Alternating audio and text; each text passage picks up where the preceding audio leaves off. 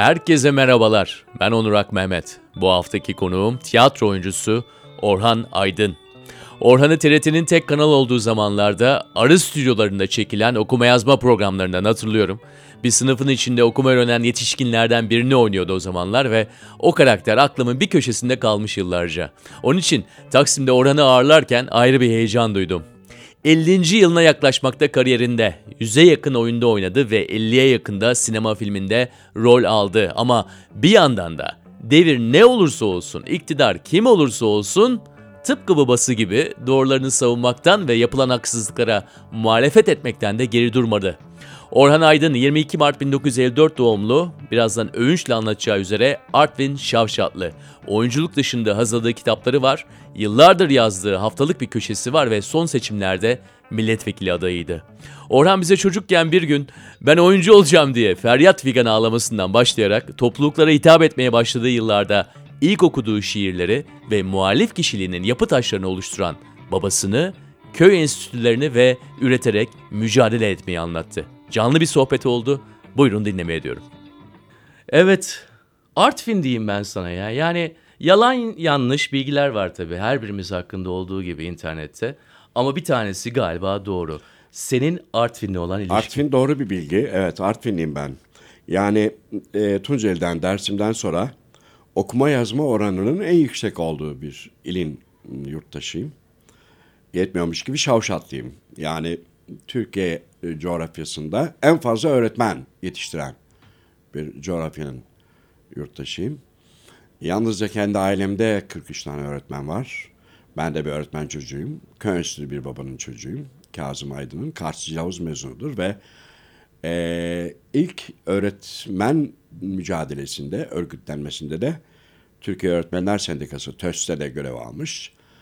E, kendi fikirleri iktidarda olduğu zaman bile sisteme karşı düşüncelerine açık biçimiyle ve de sanat yoluyla çünkü köy enstitü mezunlarının hepsi mutlak bilimle ve sanatla e, iç içe bir hayat sürdüler. Bütün Anadolu coğrafyasında öyle yaptılar. Yani elinde akordeon, mandolin olmadan, elinde saz olmadan, elinde gitar olmadan herhangi bir okulda öğretmenliğe başlamadılar. Hiçbir köy öğretmen. E, ben de öyle bir e, adamın çocuğuyum. Bununla övünüyorum açıkçası. Çünkü e, hayatımın en büyük öğretmenidir babam. Kendime de bana da öğretmenlik yaptı. Bütün ilkokul e, hayatımın 3 yılında benim öğretmenimdi ve mesela ilkokul sıralarında ve ortaokul ikinci sınıfa kadar e, Cumhuriyet'in kuruluş yıl dönümlerinde 29 Ekim'lerde, 23 Nisan'larda, e, 10 Kasım'larda e, okulda yapılan törenlerde okuduğum şiirleri babam elime tutuştururdu. Bunu okuyacaksınız şimdi diye. Kitlelerinin karşısına çıkıp konuşmak gibi bir istek hep vardı içimde. Babam da bunu algılamış olacak ki e, öğretmenim olarak önümü açtı ve elime şiirler tutuşturdu. Ortaokul ikinci sınıfta bu şiirlerin hepsinin Nazım Hikmet'e ait olduğunu öğrendiğim zaman hayat Ya daha, şimdi- daha bir sevinçlendi. Yani ben Dakika bir gol bir zaten. Seni baştan bir şey yani yapmış, ben kurgulamış. 9 yaşımdan beri on, e, Na- Nazım şiirlerinin büyük bir çoğunluğunu ezbere biliyorum. Özellikle o dönemde okuduğum şiirler. Yani dört nala gelip uzak Asya'dan Akdeniz'e bir kısrak başı gibi uzanan bu memleket bizim diye başlayan davet şiirini ben 9 yaşında babamın aracılığıyla ezberlemiş oldum. E, bu e, Yani içerik olarak onlara vakıf olman imkansız tabii o yaşta ama hissiyle onları yaşıyorsun ve bir topluluğa onlara söylüyorsun. Bunları ezbere mi söylüyordun topluluklara? e, ezbere söylüyordum evet. Ezberin o zaman da iyi miydi peki? E, evet hep öyleydi, hep iyiydi. Ama başka bir şey vardı bence. Ya e, içeriğini kavrama konusunda da eğitim sistemi onun üzerine kuruluydu. Ya Bağımsızlık Savaşı'nın Mustafa Kemal'in, yol arkadaşlarının, Kuvayi Milliye'nin bu ülkede yedi düvele karşı nasıl savaş verildiğinin temeli e, öğretmenler yani özellikle köy enstitüsü öğretmenler tarafından öğrencilerine ilk anlatılan şeydi. Nasıl bir ülkeydik, ne olduk, nereye savruluyoruz meselesini ben o yaşlarımda öğretmenlerimden öğrendim. Dolayısıyla içeriğini e, algılama konusunda bir şeyim olmadı. E, ne, derler onun adına esas olarak? Ülke bu gerçekliği yaşadığı için, ruhu da bu olduğu için e, e, eli sanata, eli edebiyata, eli şiire, eli müziğe dokunan, yüreği oraya dokunan herkes e, zaten söylediği şeyin nereye ulaştığını da anlamak durumundadır. Anladığı zaman daha e, başka bir yere savrulur söylediği şeyler. Birçok kişi ama buna aynı zamanda bir ideolojik kalıp diyebilir ve bu zamanın gereği olarak tabii öyle verildi okullarda. Doğru olan da oydu, başarılıydı ama illa o ideolojik kalıbın zamanla değişmemesi, belki de biraz daha evrilmemesi için herhangi bir neden yok derler mesela. Ne dersin onlara? Eleştiri gelebilir. Buna katılmıyorum. Bu formasyondan gelen insanlığın, yalnız benim ülkemde değil, dünyanın her dört bir yanındaki bu formasyondan gelen, yani aydınlanmacı, e, sanatın, edebiyatın, şiirin, müziğin, tiyatronun, operanın, balenin, senfoninin, sinemanın, e, e, akıl zenginliği yarattığını savunan e, damarın, o damar yalnız benim ülkem için geçerli değil, bütün dünya insanlığı için geçerli. O formasyonları ve o, o saplantıyı yıkıp gider. Yani dolayısıyla ben ortaokul ikinci sınıfta Tolstoy'u, Gorki'yi okumaya başladım. Yani Fakir Baykurt babamın arkadaşıydı. Dolayısıyla bütün eserlerini okudum. Orhan Kemal'in bütün eserlerini okudum. Yaşar Kemal'in bütün eserlerini yani bütün okul öğretim çağım. Ortaokul son sınıftayken ben Türk e, dili edebiyatıyla yakın bir tanışıklığa sahiptim. Bu, bu babamın bana açtığı ya da eğitim sisteminin dönemini eğitim sisteminin bana açtığı bir arktı ve o arkın e, çağıl çağıl bana gelmesini, o zenginliğin bana gelmesini, dünya edebiyatıyla, Fransız dili edebiyatıyla, İngiliz dili edebiyatıyla, Rus dili edebiyatıyla tanışıklığımın e, öyle başlaması benim için başlı başına büyük bir şans diye düşünüyorum. Bir şans olarak algılıyorsun bunu Evet, ve evrensel bir damardan olduğunu düşünüyorsun Kesinlikle o zamanki öyle. öğretimin. Çünkü yalnız edebiyat meselesi değil, klasik müzik meselesi de böyle. Yani Beethoven'u, Tchaikovsky'yi, Mozart'ı da yine babamın aracılığıyla, adi- dolayısıyla aynı damarın aracılığıyla tanıdım. E, müzik başlı başına e, insan aklını zenginleştirici bir durumdur. E, yalnızca heves değildir ki iş. E, heveslenmek meselesi de değildir ki iş. Yani Mozart'ta, Beethoven'da, Tchaikovsky'de, e, kullanılan enstrümanları tanımak da müziği tanımaktır. Cello'yu bilmek, piyanoyu bilmek, kemanı bilmek. 13-14 yaşındaki bir çocuğun bütün bu düşüncelere sahip olmasını ve bunu kendi kendine öğrenmeye çalışmasını ama edindiği bilgileri de kendi dağarcığında zenginleştirerek hayata savurmasını bir şans olarak nitelendiriyorum. Peki o sözleri biraz görselleştirebilir miyiz kafamızda? Yani seni 13-14 yaşında neredesin? Etrafında kimler var? Ev nerede? Evde mi bunlar? Yani bizi biraz oraya götürsene. Ya e, e, başında söylemeye çalıştım ya. e, babam bir köy mezunuydu ve işte öğretmen mücadelesinin içindeydi. Kendi fikirleri ki CHP'li bir adamdı. Kendi fikirleri iktidardayken bile muhalifti. Düşüncelerini açık biçimde söyleme gibi bir meselesi vardı. Yani işte bugünlerde çok ihtiyacımız olan düşünce özgürlüğü meselesiyle bağlantılı bir şey bu. Hayatı sürgünlerde geçti dolayısıyla. Yani e, ç- çalıştığı Sürgünler yerde dediğin zaman onu açar mısın? Yani, bayağı yani sürgün yani. iş olarak mı sürgünler? Tabii tabii öğretmen yani. Sen de onunla birlikte savruluyor musun Ba- Anadolu'dan bir yerden bir yere? aile oraya gidiyor. Baba nereye gidiyorsa öyledir. Aile de oraya gidiyor. Dolayısıyla e, ilkokulu mesela Side'de bitirdim ben. Selimköy'de. E, ortaokul birinci ve ikinci sınıfı Serik'te okudum. Üçüncü sınıfta Ankara'ya geldim. Haymana'ya. Bunlar hep babamın nereden nereye savrulduğunun e, sürgünün işareti. Sonra e, babam zaten Ankara'da emekli oldu. Ama ben de zaten babam daha Ankara'ya gelmeden evvel ortaokul son sınıftayken Ankara Sanat Tiyatrosu'nun e, bir turnesine denk geldik Antalya'da. E, babamla birlikte oyun ettik ve o gün o içimdeki şey duygular, oyunculuk e, isteği e, net biçimde hem de ağlayarak, bağırarak hiç unutmuyorum babama. Ben oyuncu olmak istiyorum, beni başka türlü lütfen yönlendirmeyin demiştim. E, babam benim edebiyatçı olmamı isterdi çünkü gerçekten eğilimim vardı. Halen de çok yoğun ilgim var. E, yalnız Türk dili edebiyatına değil, bütün dünya edebiyatına karşı büyük ilgim var. İyi ki de var, oradan besleniyorum.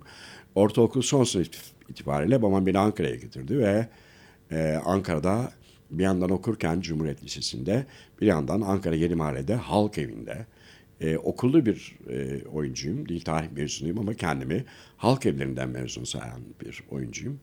E, tiyatro öğrenmeye başladım. ve Hem de on- profesyonel tiyatroya bak. Evet 15 yaşı itibariyle de profesyonel biçimde e, oyun oynayan ve meslekten para kazanan bir oyuncu oldum. Bütün üniversite hayatım da öyleydi. Peki oraya 47 yıl girmeden oldu. önce son sorumu sorayım. Yani Tabii. babalar tabii birçoğumuz için kahramanlar. Eksileriyle artılarıyla. Ve senin gibi güçlü bir baba karakterinin e, senin diyorsun ki mesela edebiyata seni gütebilirdi dedim biraz önce. Gülebilirdi dedim. Evet, evet. E, öyle potansiyel gördüğüne istiyordu. göre. Yönlendirmek istiyordu çünkü. Yani Peki mesela- ama bunun bir eksileri de olması lazım. Var mıydı yani o zaman illallah dediğin var mıydı? Babam acaba çok beni e, hani bunlar Hayır, gerçekten çünkü- el ele tutuştuğumuz anlar mıydı yalnızca şiirlerin hayır, eline hayır, tutuşturuldu? hayır tam tersi çünkü işte bir, bir yandan da edebiyatın dışında müzikle olan bir sevdası vardı babamın. Çok iyi mandolin çalıyordu ve çok iyi keman çalıyordu. Ee, bir yandan okulda öğretmenlik yaparken ilkokula sonra müdürlük yapmaya başladı mesela Selik'te. İlkokul müdürüydü aynı zamanda ama o- okulun müzik derslerine giriyordu. Ortaokuldaki müzik derslerine babam giriyordu ve halk danslarını ve tiyatro kulunu da okuldaki babam çalıştırıyordu. Dolayısıyla birebir onların içindeydim. Ufkumu bu anlamda da açıyordu. Yani e, plak kayıtlarıdır dönemin kayıtları. Makara kayıtlardı, makara bantlardır onlar.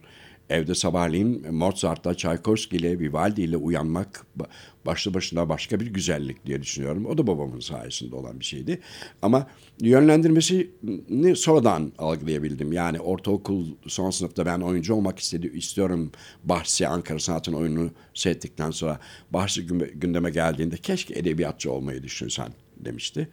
Ama yıllar sonra Ama bu babamın... tabirle yani böyle bir soft Aynen bir böyle, şekilde. aynen böyle. Ama yıllar sonra babamın isteği e, olgunlaştı biraz. Kendi, kendi bedenim de olgunlaştı. Meslek hayatıma çok büyük katkılar sundu. Çünkü o tür okumalar ve de babamın beni edebiyatçı olmaya itelemesiyle bağlantılı önüme koyduğum metinler, kitaplar, işte aklınıza gelen öyküler, romanlar, şiirler ne varsa e, onlar bana meslek hayatımda çok büyük katkılar sundu. E, tiyatronun temeli dramaturgidir, dramaturjidir. Ve dramaturjinin nasıl yapılması gerektiği konusunda, replikleri nasıl yaz, yazılması gerektiği konusunda, e, kurgunun nasıl bir matematik içerdiğini ve o matematiğin nasıl güçlü olması gerektiği konusunda babamın önüne ko- e, koyduğu e, metinlerden hareketle yolumu daha kolay bulabiliyorum dolayısıyla. Yani mesela ben Brecht çevirileri yoktu ama e, el yazma Brecht çevirileri okudum lise birinci sınıftayken. Ama öyle bir dogmanın içerisine de girmişsin ki sen yani şu anda olduğun çizgiden dışında bir çizgide olman da imkansızmış yani. E işte bunun katkısını yıllar sonra görebildim. Yani işte 14-15 yıldır e, yazarlık da yapıyorum bir yandan. Şimdilerde mesela üç tane dergide edebiyat yazıları yazıyorum. Üzeri şiir ve tiyatro kurgulu ya da işte turne yolculuk yazıları yazıyorum. Üç kitap hazırlığım var. 20, 27 Mart Dünya Tiyatro Günü'nde yani önümüzdeki ay üçü birden çıkacak. Biri bir öykü kitabı, biri bir uzun soluklu bir turne kitabı, öbürü Türkiye Tiyatrosu direniş tarihini Cumhuriyet kurulduğundan bugüne kadarki bütün yasaklamaları, sansürleri içeren belgeli bir kitap. Üç kitap çalışmam var. Bunu da mesela babamın önüne koyduğu metinlere ve yaşadıklarıma borçluyum. Ee, bundan şikayetçi değilim. Orhan şikayetçi olman için gerçekten de bir neden yok. Yani hem üretkensin ama üretkenliğin en büyük nedenlerinden bir tanesi bu formasyonun dışında enerjin. Bana bir şekilde de ki Onur de yani hayatımın belli bir döneminde atalet yaşadım. Bu kadar enerjik değildim. Veya ne bileyim önümde olan şeylere karşı bazen de çok korktum. Oldu mu hiç korkun olduğu Hiç zaman veya olmadı. atalete gittiğin zamanlar oldu Hiç olmadı. Yani sırf oyun oynadığım için sahnelerden aldım, tutuklandım. İki, iki darbe döneminde ikisini de yaşadım. Hiçbir zaman böyle bir korkum olmadı. Çünkü e, çevremdeki arkadaşlarım birlikte yola çıktığım oyuncu arkadaşlarım da benim gibi düşünüyorlardı hayatı. Yani mesela çok basit bir şey anlatayım. E, zaten korkunun eceli faydası yoktur da basit bir küçük bir anı anlatayım. Yani e, tarih 1976-77'dir. E, Türkiye tiyatrosunun temel taşlarından biri olduğuna inandım. E, usta, önemli bir yaratıcı olan Erkan Yücel'le beraber çalışıyordum. E, oynadığımız oyun Halkın Gücü tutuklandık. Cezaevine atıldık Urfa Biricik'ten. E, Urfa'ya götürüldük. Biricik'ten alındık. Urfa cezaevine götürüldük. Kafalarımız kazındı. İçeri girdik. Ne yapabiliriz? Dokuz tane erkek, üç tane kızız. Kızları başka bir koğuşa koydular. Kız oyuncu arkadaşlar. Bizi başka bir koğuşa. Erkan Yücel benden önce, o ekipten önce Ankara Sanat Tiyatrosu'nda Orhan Kemal'in 72. koğuşunu oynamıştı. 72. koğuşu ezbere biliyordu teksti baştan sonra. Ee, kantinden aldığı pelur kağıtlara kurşun kalemle tekstin tamamını yazdı. Oyunu orada ezberledik ve çıktık. Ee, üç ay sonra çıktığım zaman Ankara'da e, oyunu orada prova ettik cezaevinde. Çıktık üç ay sonra Ankara'da Gençlik Parkı'nda seyirciyle buluşturduk. Şimdi umudunu yitirirsen eğer kararır her şey zaten. Yaşama tutkusu bir sanatçının en büyük ereği olması lazım. Yaşamak için de üretmek, sürekli üretmek ve sözünü e, söylemekten geri durmamak. saklanmamak, gizlenmemek. Ö- Onu yaparsan kendi kendini ötekileştirirsin. Hiçbir insan kendine düşman olmamalı önce. Önce kendine düşman olursan sen kendini yer bitirirsin. Benim öğretimim bunun üzerine kurulu değil. Ben öğretimi, kendi öğretimi, kendi zenginliğim üzerine kurdum. Kendi zenginliğim dünya insanlığının buna getirdiği zenginlik. Ne kapabildiysem odur. Dünya edebiyatından, sinemasından, tiyatrosundan, müziğinden, şiirinden, resminden, mimari dokusundan ne aldıysam o benim zenginliğimdir diye düşünüyorum. Bugün e, saklı kalan şeyler bunlar. Bunları söylemediğimiz, bunları konuşmadığımız, bunları tartışmadığımız sürece e, dayatılanın ya da biat kültürünün arkasından koşan başka bir toplum haline geliyoruz. Oysa dünya insanlığının akıl zenginliği çok başka bir yerde geziniyor. 21. yüzyıldayız ve e, iletişim araçlarının nereye savrulduğunu görüyoruz. İnsanlık uzayda yeni bir hayat, dünyada yeni bir, dünyanın dışında yeni bir hayat kurmanın peşinde. Ekolojik dengeler alt üst olmuş, kapitalizm yeni bir buhran yaşıyor. Burada başını kaldırması gereken tek şey kültürel ve sanatsal alandaki aydınlanmanın yeniden yakılmasıyla bağlantılıdır. Susarsanız kaybedersiniz. Ben biraz bizi dinleyen insanlığımızın, özellikle gençlerin, genç arkadaşlarımın bu utkuya sahip olmaları gerektiğini inanıyorum. Sen tiyatro ve sinemada da 45 seneyi tamamladın. 47. 47 oldu. Evet. Artık o zaman olayın biraz daha daha civcivli tarafına gitsek. Yani tamam mücadele mücadele harika mücadele bitmeyecek zaten. Ee, iktidarda olsan bile zaten onunla muhalif olabilirsin. Kesinlikle. Peki orada insan arası ilişkiler, orada yaptığınız şamatalar, eğlenceler, oradan get- getirdiğin artı değer kendine ne oldu? çok şenlikli bir e, hayattı her boyutuyla. Ben mesela tiyatrom aracılığıyla, tiyatro aracılığıyla bütün Anadolu coğrafyasını yakinen tanıdım. Yani Ankara'dan turneye çıkıyorsunuz, iki sene sonra evinize gelebiliyorsunuz. Düşünebiliyor musunuz? Oynamadığınız İki sene yer- evine iki sene- gelmediğin oluyor muydu yani? Kesinlikle. Tam iki sene yani. iki buçuk sene var bir tane mesela. Halkın Gücü ve Toprak oyunları ikisi Erkan'la beraber e, çalıştığımız e, halk tiyatrosu turnesinde iki buçuk sene sonra mesela. Yani bir valizle evinizden annenizin babanıza hadi hoşça kal diyorsunuz. Çıkıyorsunuz. iki buçuk sene sonra geliyorsunuz. Ankara'ya tekrar geri dönüyorsunuz. E, cami avlularında, okul bahçelerinde bile e, e, traktör römorkörlerinin üstünde bile sahneler oluşturarak Anadolu'nun dört bir yanında Söke Ovası'ndan Çukurova'ya, Erzincan, Kemah'tan e, Ankara'nın Bala ya da Haymana ilçesine ya da Edirne'den Tekirdağ'a, İzmir'den Aydın'a, Manisa'ya, Muğla'ya, Mersin'e varana kadar. Bütün Karadeniz'e varana kadar. Her yeri karış karış dolaşıyorsunuz. Sahne olmadığı, olmadığı yerde kendi sahnenizi kurarak bir hayat oluşturmaya, Anadolu insanlığını tiyatro derneğinin gerçeklikle tanıştırmaya e, e, çalışıyorsunuz. Bunun bu gerçekliği niye yaptığınızı da sonradan öğreniyorsunuz. Yaptıktan sonra öğreniyorsunuz. Ustalarınızın böyle bir eriği olduğunu anlıyorsunuz. Anadolu coğrafyasındaki var olan bazı dalgaların kırılmasına da yardımcı oluyor. İnsanlar mesela Pazarcık Ovası'nda bir köyde traktör römorkörleri üzerinde bir oyun oynuyorsunuz ve akşam tra- traktör römorkörlerin de ışığıyla trak- traktörlerin ışığıyla sahne aydınlanıyor. Akşam üzeri saat 6'da Pazarcık Ovası'nın dört bir yanından traktörlerin üstünde tarım işçilerinin oyun seyretmeye geldiğini görüyorsunuz. Müthiş bir dayanışma oluşuyor. Oyun sonrası birlikte halaylar çekiyorsunuz, oturuyorsunuz, rakılarınızı içiyorsunuz, sohbetlerinizi yapıp türkülerinizi söylüyorsunuz. Halkla kaynaşıyorsunuz. Bu başlı başına bir şenlikti. Başka bir şey vardı. Orada aynı dönem ki 1968 ve sonrası 1978 her iki bahar bütün e, benim ülkem içinde bütün dünya içinde işçi, emekçi ve öğrenci haklarının e, insanlık için ortaya çıktığı süreçlerdir.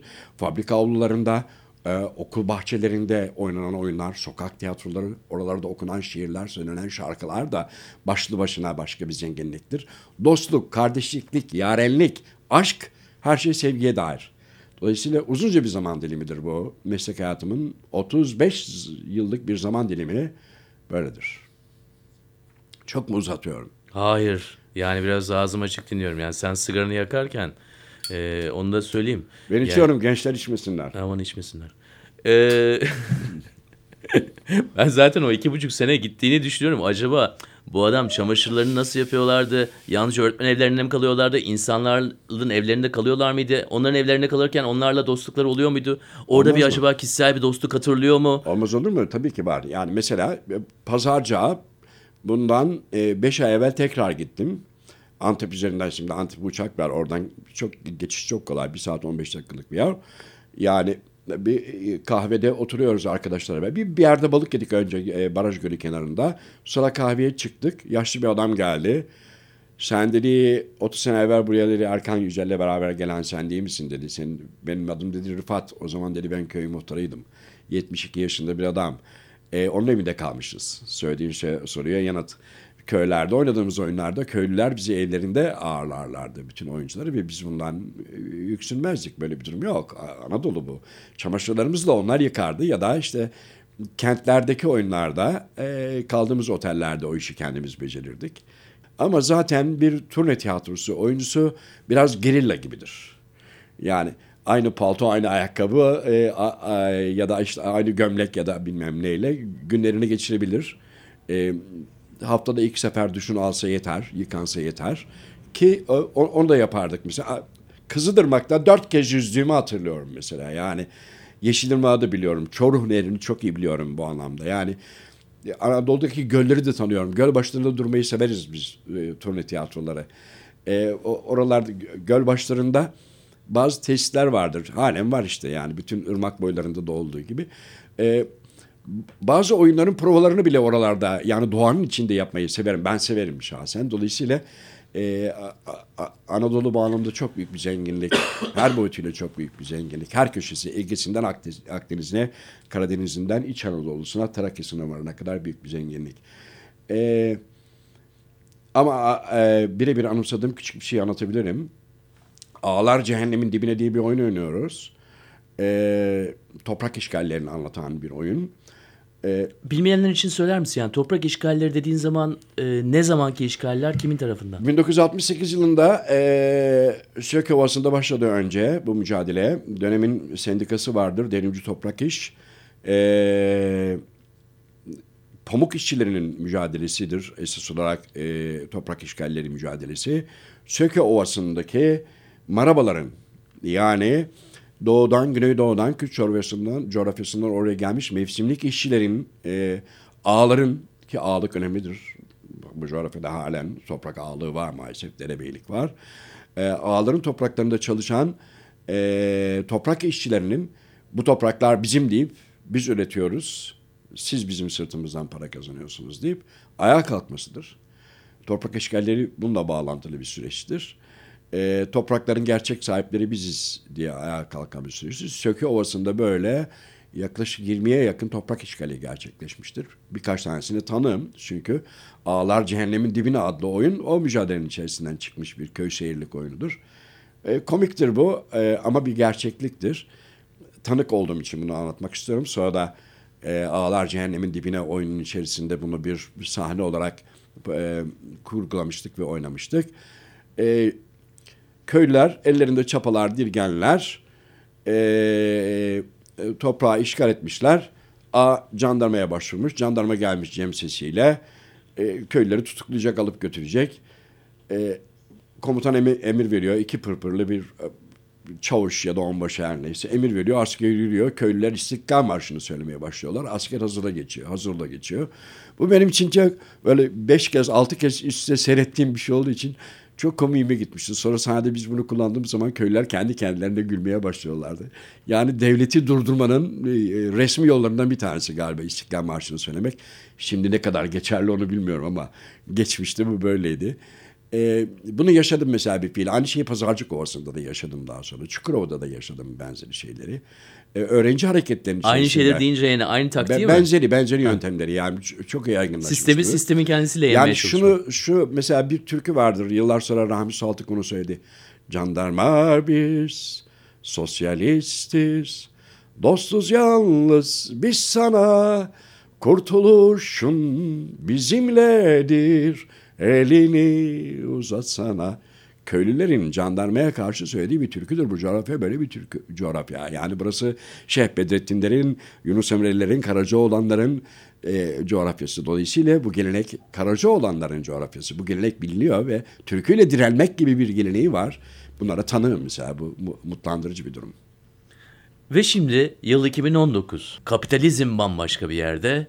Senin de hayatında görmediğin bir rejim değişikliği ve onun içerisinde yaşayan insanlar son zamanlarda politik söylemini daha da e, modern e, iletişim araçlarıyla belirtili oldu. Mesela bugün ben gelmeden arabada bir Twitter'a baktım.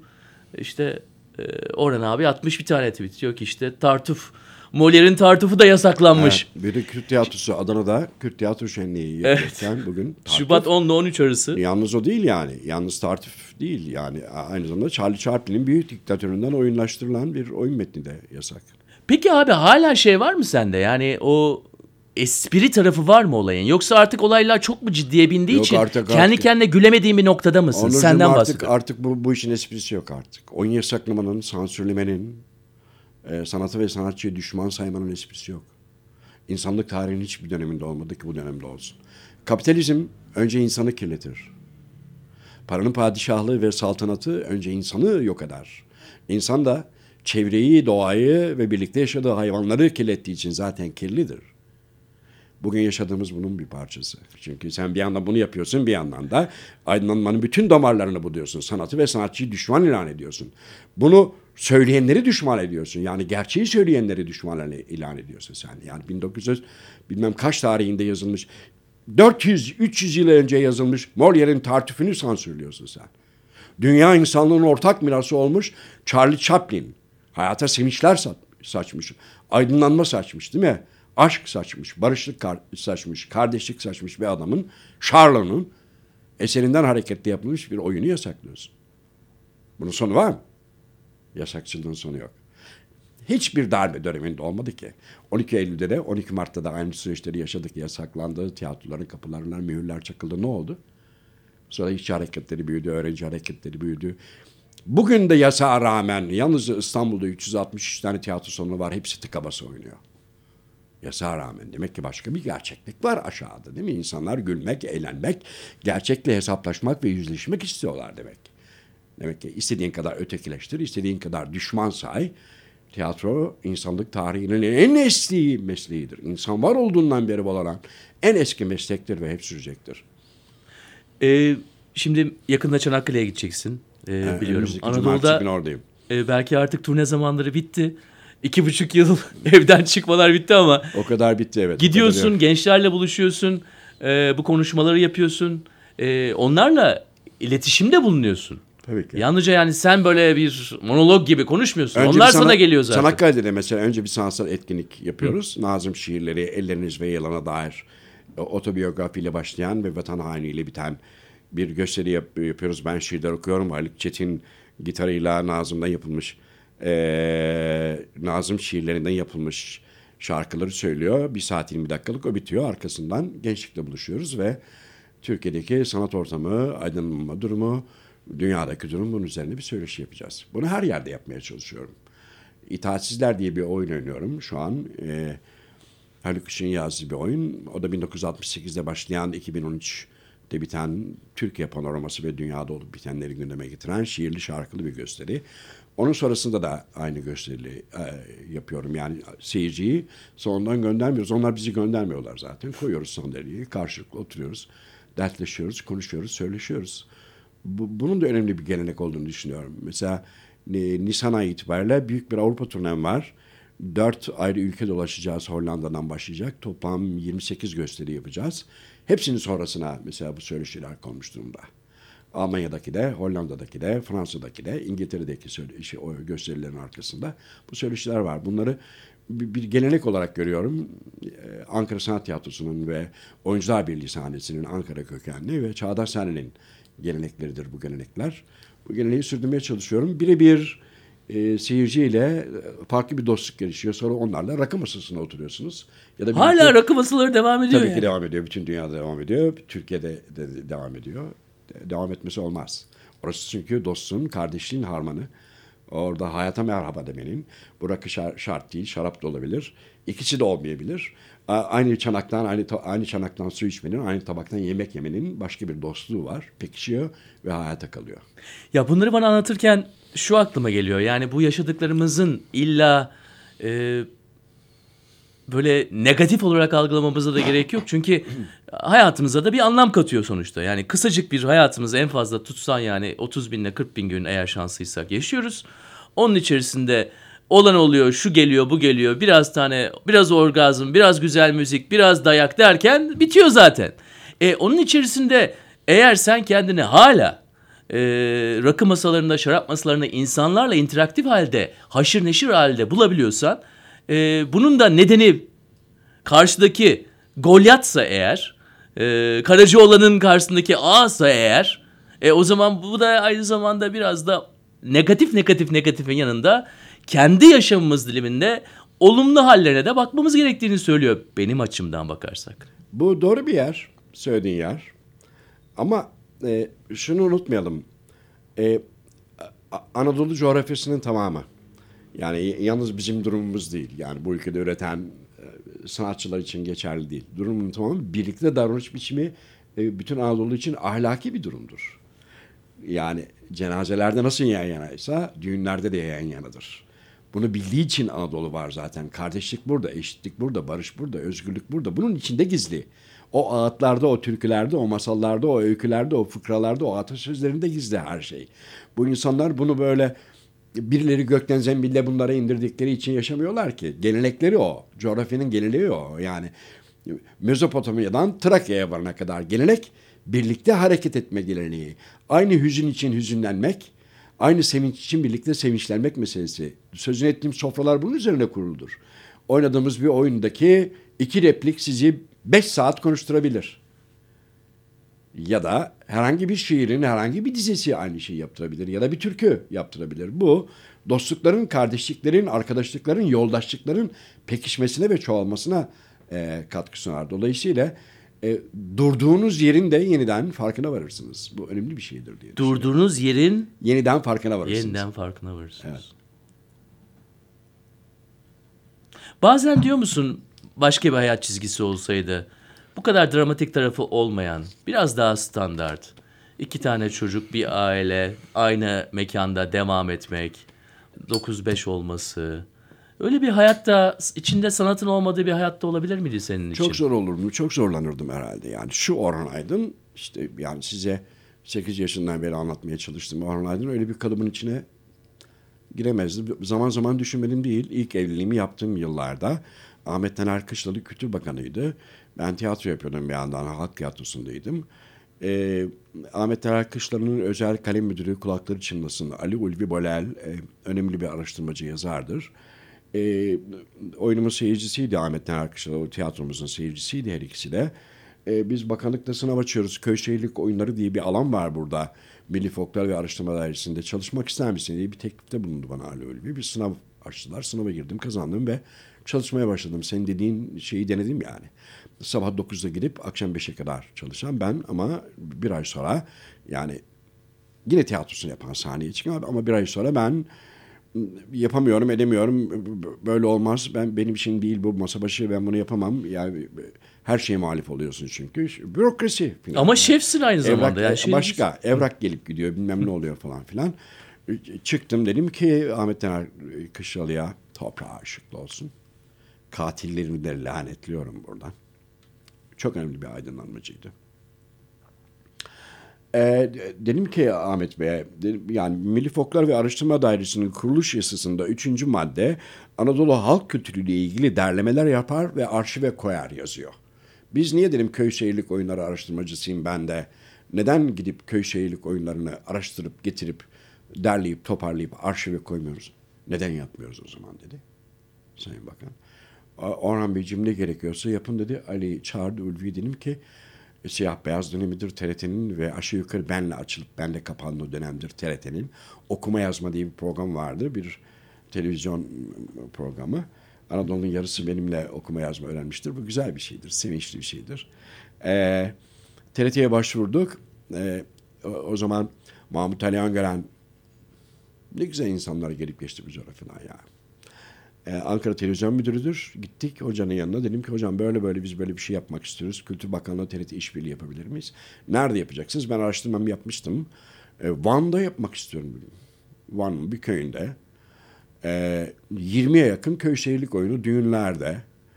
E, harfana gecelerinde yani birlikte e, tarım için buluştukları, toprağı birlikte ektikleri, birlikte sürdükleri, birlikte e, ürünlerini devşirdikleri zaman dilimlerinde oynadıkları oyun çıkartmalar var. Bunları dedim çekmek istiyorum. E, 14 tane oyunu TRT e, Kültür Bakanlığı aracılığıyla çektim. Sonra teslim ettim. E, Maraş katliamı oldu 1979. Halen çalışıyorum Kültür Bakanlığı'nda. Yemekhanede çıktım masanın üzerine Maraş katliamı lanetleyen bir konuşma yaptım. Ee, ertesi günün tercüman gazetesi hiç unutmuyorum. Birinci sayfadan benim fotoğrafımı koymuş ama tepeye Ahmet Taner Kışla diye koymuş. Komünistleri çalıştırıyor. İşte benim adımı vermiş. Direkt bakana yönlenmiş saldırıydı. Bakan Bey çağırdı Orhan Bey ne yapacağız dedim. Soruşturma açın hakkımda ne yapacağız diye bana, bana niye söylüyorsunuz Sayın Bakan? Dedi ki seni biraz buradan uzaklaştıralım. Ankara İl Kültür Müdürlüğü'nün emrine verdi beni. E orada da rahat durmadım çünkü Maraş katliamı çoğaldı. Kentlerde, her yerde Alevi Sünni meselesi. Yani kardeşliğe hançer sokmak, kurşun sıkmak, beraberliği, birlikte olmayı, sevgiyi, aşkı def etmek hayatımızdan. Nefreti, kini ve düşmanlığı yaygınladı. Yaygınlaştırmak meselesi gündeme geldik. Arkasından 12 Eylül geldi işte. Ee, Ankara İl Kültür Müdürlüğü'ne gittim. Sonra oradan istifa ettim.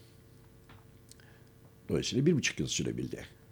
Haksızlığın, hukuksuzluğun, adaletsizliğin olduğu yerde ne bilim vardır, ne sanat vardır, ne edebiyat vardır, ne şarkı vardır, ne müzik vardır, ne türkü vardır. Sanat ve sanatçı oysa insanlık ortaya çıktığı günden bugüne kadar var ve var olacaklar. Çaresiz. Müzik var olduğu sürece rüzgar, güneş ve ışık ve su ve toprak ve ağaç ve kuş var olduğu sürece sanat da var olacak.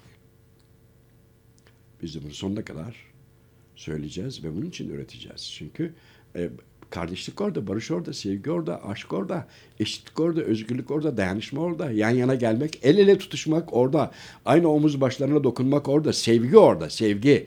Bizim geleceğimizi ancak sevgi birlikte kuşatabilir bizim geleceğimizi. Ancak sevgi kuşatabilir. O zaman başka bir toplum, başka bir dünya, başka bir insanlık haline gelebiliriz.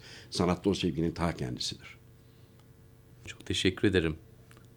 Benimle burada oturduğun için, bu sohbeti yaptığın için. Ben teşekkür ederim. Dinleyen dostlarımıza da bizimle birlikte oldukları için çok teşekkürler. Bizim geleceğimizi ancak sevgi kuşatabilir ve sanat o sevginin ta kendisidir diyerek bitirdi Orhan Aydın. Yılgınlığın etrafımızı çepeçevre sardığı bu günlerde şimdi esas ses çıkarmak gerektiğini tekrardan hatırlattı bizlere ve hikayesiyle de hak mücadelesinin her devirde ve de daimi olduğunu ama sevgisiz ve sanatsız olamayacağını anlattı. Orhan'a çok teşekkür ediyorum. Bugün siz bu podcast'i dinlerken geçtiğimiz haftalarda duyurusunu yaptığımız Anlat Hikayeni Hikaye Maratonumuz gerçekleşiyor olacak. Saat 20.30'da Kadıköy Mecra'da. Tutku temalı gecemizde diğer anlatmayı ve dinlemeyi bilenlerle buluşacağız. Bu sezonki 5. etkinliğimiz ve Mayıs ayındaki büyük finale doğru adım adım yaklaşıyoruz. Akşam ekip olarak oradayız. Ben Onur Ak Mehmet, editörümüz Onur Kocatürk ve direktörümüz Berna Kahraman. Hafta yeni bir insan, yeni bir hikaye ve yeni bir podcastle yine buradayız.